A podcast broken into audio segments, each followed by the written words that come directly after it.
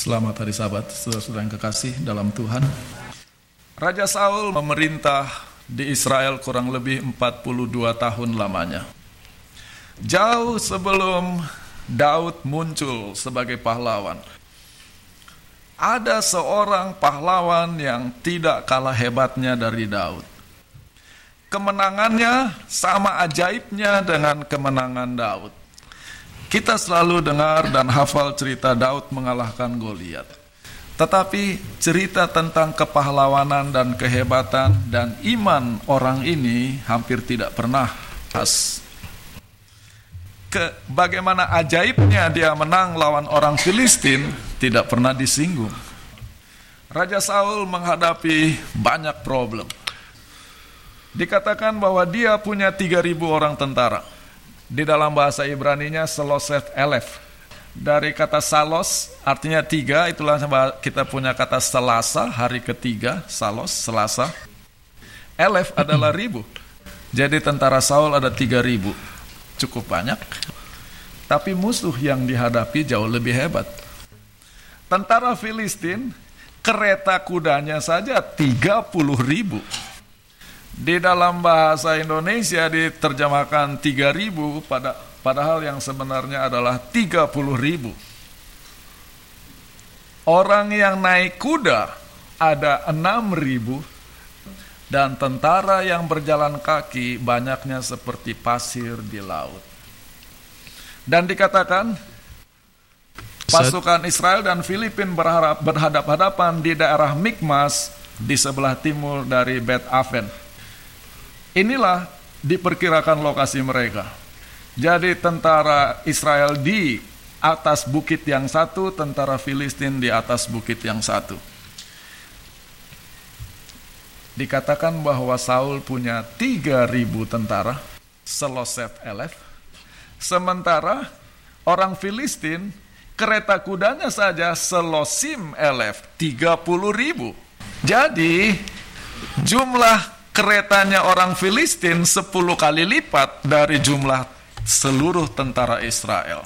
Tentara Filistin yang naik kuda jumlahnya dua kali lipat dari seluruh tentara Israel.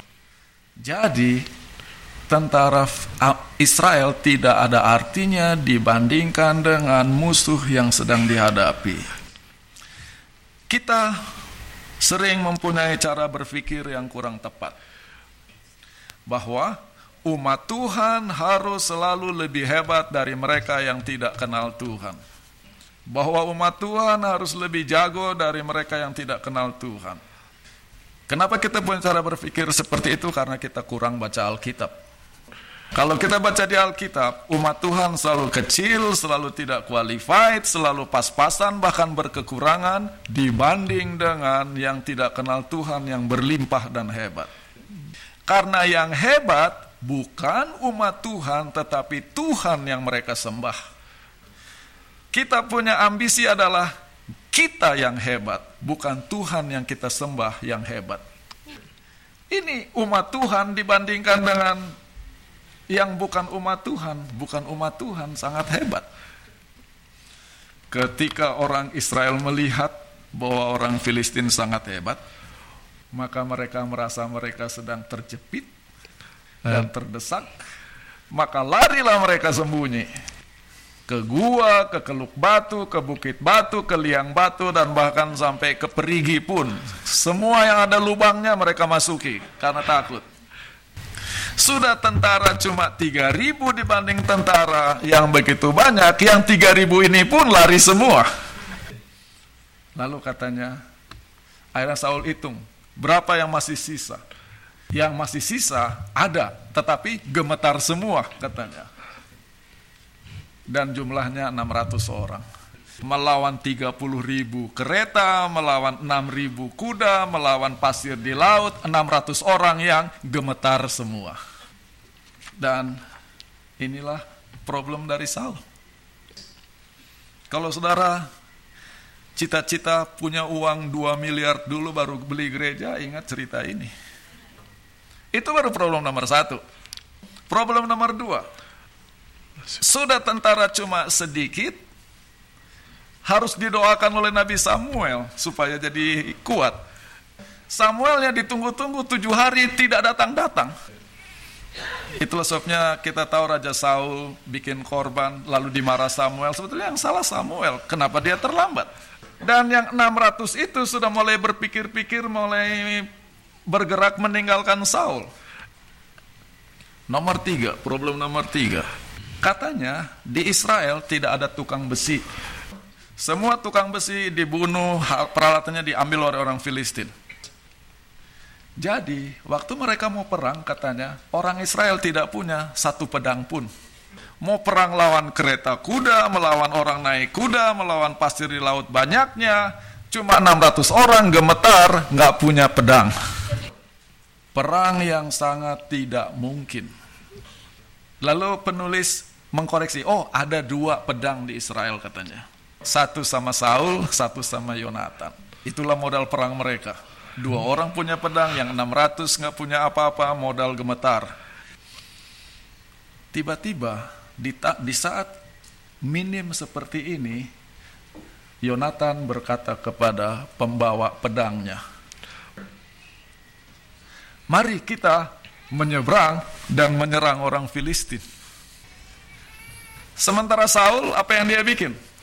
Maka Saul duduk di bawah pohon delima, stres hitung-hitung 600 orang nggak punya apa-apa lawan begitu banyak hanya ini yang Paul bisa eh Saul bisa duduk-duduk di bawah pohon sambil stres menyesali nasib kenapa saya jadi raja Israel bukan raja Filistin kenapa hidup saya susah begini lalu ayatnya menceritakan di antara pasukan Israel dengan Filistin ada jurang inilah diperkirakan jurang yang memisahkan mereka. Boses dan Sene. Sebelah kiri Boses, sebelah kanan Sene. Jadi Yonatan berdiri di ujung sini, sementara penjaga Filistin berdiri di ujung sini. Lalu Yonatan katakan, mari kita memperlihatkan diri kepada mereka. Kalau mereka bilang, berhenti di situ, kami akan datang kepadamu, kita tinggal saja di sini. Kenapa Yonatan bilang begitu? Karena kalau tentara itu turun ke bawah, naik, waktu sedang manjat, dia lempari batu, mati kan, e, mereka jatuh, mati. Jadi itu dia bilang, kalau mereka bilang tunggu, kita tunggu. Karena nanti mereka waktu naik, sudah kesusahan sendiri. Tetapi kalau mereka katakan naik kemari, maka kita akan naik. Lalu waktu Yonatan memperlihatkan diri, orang Filistin pada ketawa. Lihat orang-orang Ibrani keluar dari lubang-lubang di mana mereka sembunyi katanya. Kan ingat tadi orang Israel katanya masuk ke goa, masuk ke lubang, masuk sumur, makan dan orang Filistin tahu itu. Jadi waktu Yonatan muncul, oh sudah keluar dari lubangnya. Lalu orang Filistin katakan, naik kemari, kami akan menghajar kamu bahasa Indonesia bahasa Inggrisnya benar saudara. Saya kita akan beri pelajaran tetapi penterjemahan Alkitab bahasa Indonesia bukan memberi pelajaran tapi menghajar. Karena memang mau dihajar. Artinya diajar. Di, di, dihajar itu sama sebetulnya. Mendengar bahwa dia mau dihajar, Yonatan justru semangat. Dia bilang, "Ayo naik, Tuhan sudah menyerahkan mereka ke tangan Israel.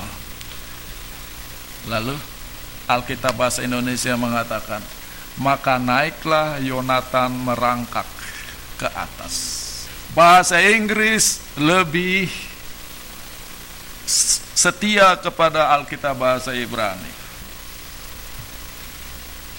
Dikatakan bahwa Yonatan merayap menggunakan tangan dan kakinya.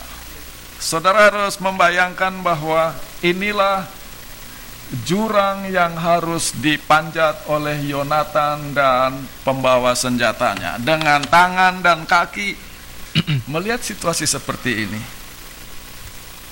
jangankan menyerang orang Filistin do not talk about attacking yeah. the Philistine untuk bisa naik ke atas pun sudah setengah mati untuk jaga-jaga supaya jangan jatuh pun sudah susah dan itu yang sedang dilakukan oleh Yonatan dan pembawa senjatanya. Tapi kemudian di ayat 14 terjadi sesuatu yang sangat hebat. Ayat 13. Maka naiklah Yonatan merayap dengan tangan dan kakinya diikuti oleh pembawa senjatanya. Waktu dia sampai di atas, orang-orang Filistin itu tewas terparang oleh Yonatan. Sedang pembawa senjatanya membunuh mereka dari belakangnya. Kenapa saya baca Alkitabnya bahasa Indonesia? Karena ada tujuannya.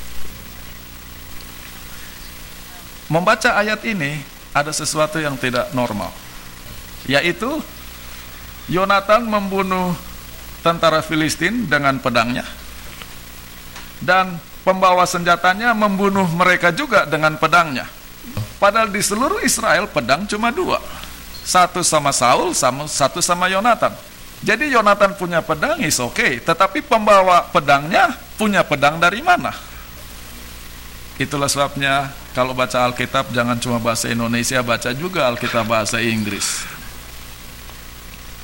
Dikatakan waktu Yonatan naik ke atas, terparang tidak ada. Begitu Yonatan muncul di atas, orang Filistin jatuh di hadapan Yonatan, roboh di hadapan Yonatan. Dia nggak bikin apa? Dia tidak bikin apa-apa. Dan nanti setelah orang itu orang-orang itu jatuh di hadapan Yonatan, Yonatan jalan, pembawa pedangnya baru membunuh orang-orang itu. Memang dia yang pegang pedangnya Yonatan. Ada satu hal yang kita cuma bisa lihat kalau kita baca Alkitab di dalam bahasa Ibrani. Mereka yang sekolah kependetaan disuruh belajar Ibrani bukan cuma untuk bikin pusing atau bikin gagah, tetapi sebetulnya supaya bisa membaca Alkitab dengan lebih baik. Uh, Yonatan berkata kepada pembawa senjatanya, "Mari memanjat, ikuti saya." Karena Tuhan sudah memberi mereka. Lalu Yonatan manjat orang Filistin jatuh di hadapan Yonatan. Nama Yonatan adalah gabungan dari dua kata Ibrani. Yahweh atau Yehova dan Nathan. Yahweh atau Yehova artinya Tuhan, Nathan artinya memberi. Jadi Yonatan artinya pemberian Tuhan atau Tuhan memberi. Ini ayatnya di dalam bahasa Ibrani. Wayomer Yonatan el Nosek life. Ale ahare ki netanam Yahweh bayat Israel. Ini yang terjadi. Yonatan bicara kepada pembawa senjatanya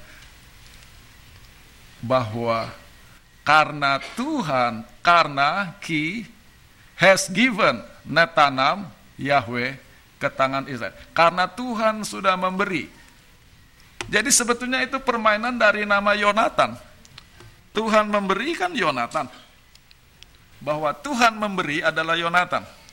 Maka robohlah orang Filistin di hadapan pemberian Tuhan, Yonatan, karena memang Tuhan memberi. Jadi yang terjadi dalam cerita ini adalah aneh. Dengan susah payah Yonatan merayap memanjat tebing yang curam. Tidak punya senjata Pembawa pedangnya ikut dia dari belakang, punya pedang satu. Begitu Yonatan muncul di atas, robohlah tentara Filistin satu persatu. Sama ajaibnya seperti ketika Goliat yang hebat itu bisa roboh oleh batu kecil Daud. Tapi ini lebih hebat lagi, Yonatan tidak bikin apa-apa, mereka roboh hanya dengan dia muncul. Lalu katanya, Yonatan berjalan kira-kira setengah hektar dan dalam perjalanan itu 20 tentara, penjaga-penjaga yang lengkap roboh semua di hadapan Yonatan dibunuh oleh pembawa pedangnya dari belakang satu persatu. Jadi Yonatan cuma berjalan dan musuhnya roboh semua. Kenapa? Pemberian Tuhan. Karena nama dia memang pemberian Tuhan. Lihat. Kemenangan Yonatan adalah pemberian Tuhan. Tetapi menunggu pemberian Tuhan bukan berarti duduk-duduk di bawah pohon seperti Saul. Yonatan harus punya iman. Yonatan harus mengambil inisiatif. Yonatan harus mengambil resiko. memanjat dengan tangan dan kaki, bukan berjalan gagah sambil uh, poco-poco. Karena kita sering ber, berharap Tuhan melakukan hal yang besar bagi kita, tetapi pada saat sama kita hidup senang, hidup gagah, mewah, dan Tuhan memberkati. Yonatan menderita, merayap, untuk supaya Tuhan bisa berbuat sesuatu bagi dia. Lalu, melihat apa yang terjadi, maka seluruh perkemahan Filistin yang kereta kudanya puluhan ribu, kudanya, tentaranya banyak, panik semua. Dan bukan hanya itu, bumi pun goncang. Jadi kenapa begitu Yonatan muncul, roboh semua tentara Filistin? Karena begitu dia muncul ke atas, gempa bumi, jadi goyang semua mereka. Dan gempa bumi ini adalah buatan Tuhan, yang membuat Yonatan tinggal jalan lihat orang gelimpangan di depan dia. Lihat sekarang, orang Filistin panik semua. Mereka yang di perkemahan, mereka yang di padang, mereka yang berjaga, mereka yang siap untuk menyerang, semuanya panik. Padahal di awal cerita orang Israel yang panik semua. Mereka lari ke gua, ke lubang, ke sumur. Di awal cerita umat Tuhan yang panik. Di akhir cerita musuh mereka yang panik. Ketika peninjau-peninjau Saul yang di gunung yang satu melihat, mereka lihat kenapa tentara Filistin seperti lagi ombak pindah ke sana kemari. Lalu katanya Saul dan seluruh pasukannya menyerbu ke sana dan mereka cuma nonton.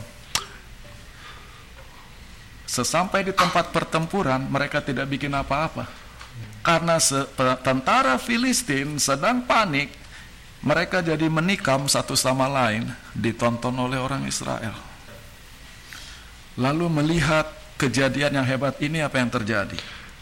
Dikatakan karena begitu hebatnya tentara Filistin, banyak orang Israel yang apply asilum ke Filistin dan jadi ikut perang sama orang Filistin lawan orang Israel. Tetapi ketika mereka lihat bahwa Tuhan memberkati Israel, mereka renounce, mereka punya green card, mereka bergabung kembali dengan tentara Israel. Selama ini sudah asilum di Filistin.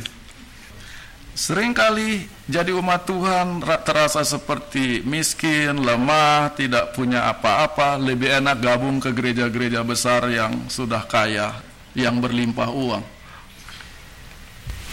Lalu semua orang Israel yang di lubang-lubang katanya keluar semua ketika mendengar kekacauan di tentang perkemahan Filistin. Lalu inilah ceritanya diselesaikan begini. Maka Tuhan menyelamatkan Israel pada hari itu. Kenapa? Karena ada satu orang Yonatan yang punya cukup iman walaupun suasana tidak mungkin dan kondisi sangat tidak memungkinkan. Kalau Yonatan tidak maju, mujizat ini tidak akan pernah terjadi. Jauh lebih mudah duduk-duduk di bawah pohon seperti Saul hanya berhitung-hitung betapa kecilnya tentara kita. Yonatan berkata begini kepada pembawa senjatanya. Mungkin dia cuma bilang mungkin, kalau Tuhan tidak tolong, it's okay. Dia bilang mungkin Tuhan akan bertindak bagi kita. Karena tidak sukar bagi Tuhan untuk menolong dengan banyak orang atau dengan sedikit orang. Banyak orang dalam membaca Alkitab salah memetik pelajaran. Mereka mengeluh dan mereka banyak cerita sama saya Hmm. Karena kebetulan saya perjanjian. Kenapa di Alkitab banyak sekali cerita perang? Dan bagi banyak orang, karena banyak cerita perang di Alkitab, untuk menjadi umat Tuhan, kita harus suka perang dan jadi jago perang. Cerita-cerita perang di Alkitab sebetulnya adalah pelajaran tentang pergumulan hidup, bukan tentang membunuh orang. Sama seperti Saul yang tentaranya cuma 3000 dan menyusut jadi 600, tidak bisa apa-apa dibanding musuh. Seringkali hidup kita begitu. Apa yang kita miliki sangat minim, penghasilan minus, tidak ada yang bisa diharapkan. Itulah kita seperti Saul. Dan sering kali panggilan Tuhan terlalu besar untuk bisa kita hadapi. Kepada 12 orang muridnya yang belum punya paspor, belum punya visa, Tuhan katakan, pergilah ke ujung dunia, jadikanlah seluruh dunia muridku. Untuk pergi ke ujung dunia saja tidak mungkin, tidak punya ongkos, tidak punya biaya. Bagaimana memenuhi panggilan itu? Bagaimana mau membuat bangsa-bangsa itu jadi pengikut Tuhan? Ngomong saja susah, pengetahuan saja pas-pasan. Apa yang mereka lakukan? Pergi sekarang tiba-tiba orang Indonesia bisa berbakti di Amerika. Perintah Yesus menjadi kenyataan. Mereka Injil ke ujung dunia dan orang-orang yang tidak kenal Tuhan sudah jadi umat Tuhan semua. Banyak orang beragama tujuannya sangat sederhana, kepengen masuk sorga. Yang saya mau sampaikan jangan takut Allah Maha Pengasih, saudara akan ada di sorga. Tetapi model orang-orang yang masuk sorga itu ada beberapa kelas. Yang paling banyak adalah mereka yang menganut filsafat beragama secara pasif. Saya tidak pernah bohong, saya tidak pernah mencuri, saya tidak pernah membunuh, saya tidak pernah berzina, saya masuk sorga. Pokoknya nggak pernah bikin apa-apa kan, masuk sorga. Ataupun kalau saya mencuri, saya bisa terangkan supaya pencurian itu kelihatan seperti bukan pencurian, supaya saya kelihatan baik. Ada orang-orang yang lebih jauh dari sekedar tidak jahat jadi orang baik. Mereka tidak mencuri, tidak membunuh, tidak berzina, tapi orangnya juga baik, enak ngobrol sama mereka, simpati, ramah sama orang, membawa kebaikan kepada sekitar. Tetapi yang sangat jarang dan sangat sedikit adalah bukan saja orang yang tidak jahat, tapi orang baik, tetapi setelah jadi orang baik mereka melakukan hal-hal yang besar dan ajaib bagi Tuhan dan bisa menjadi berkat bagi banyak orang. Itulah sebabnya di Alkitab kita baca cerita Daud, Yonatan, Elia, Elisa. Itulah orang-orang yang tidak saja orang baik, tetapi hidupnya membuat hal-hal yang besar, hal-hal yang ajaib bagi Tuhan. Inilah gunanya ke gereja dengar khotbah-khotbah yang model begini bahwa ada Tuhan yang sangat hebat yang kita sembah. Tuhan memberkati kita semua.